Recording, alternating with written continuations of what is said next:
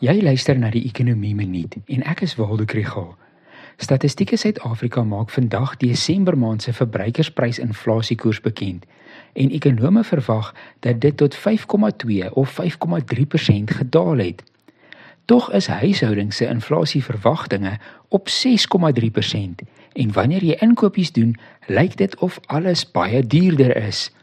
Dit is die verskil tussen geleefde ervaring en statistiek. Hierdie episode word ondersteun deur Economic Research Southern Africa en die NWI Sakeskool. Die VPI inflasiekoers meet prysstygings vir 'n mandjie van 415 goedere en dienste.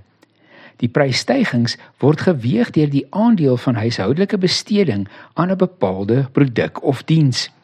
Met ander woorde, die stygings in die prys van koffie word nie dieselfde geweeg as die stygings in die prys van rys of huur nie. Dus as die inflasiekoers wat jy ervaar verskil van die amptelike getal, is dit omdat jou mandjie en die gedeelte van jou besteding aan dinge anders is as die van die gemiddelde Suid-Afrikaanse huishouding. Boonop beteken die laer inflasiekoers nie dat pryse noodwendig daal nie. Hulle neem gemiddeld net teen 'n stadiger tempo toe. Maar hou moed, hier en daar daal pryse wel.